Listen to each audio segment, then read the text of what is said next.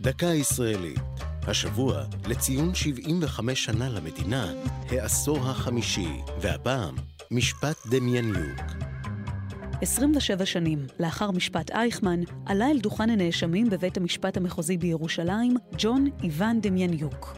בוקר טוב, נא לשבת.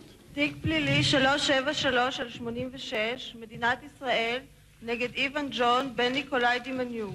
הנאשם, אוקראיני בעל אזרחות ארצות הברית, הוסגר לישראל בחשד כי היה שומר אס אס במחנה ההשמדה טרבלינקה, שבשל אכזריותו כונה איוון האיום. המשפט בעניינו נמשך למעלה משנה, ובתום ההליכים נקבע כי ישנן די הוכחות להסיק שמדובר בפושע מלחמה, ודמייניוק נידון למוות. אולם, משנמצאו ראיות חדשות המטילות ספק בדבר זהותו, ערער דמייניוק על הרשעתו, ובאופן מפתיע, זוכה.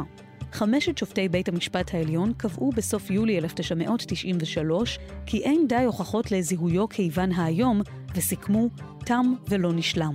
השלמות איננה נחלתו של שופט בשר ודם.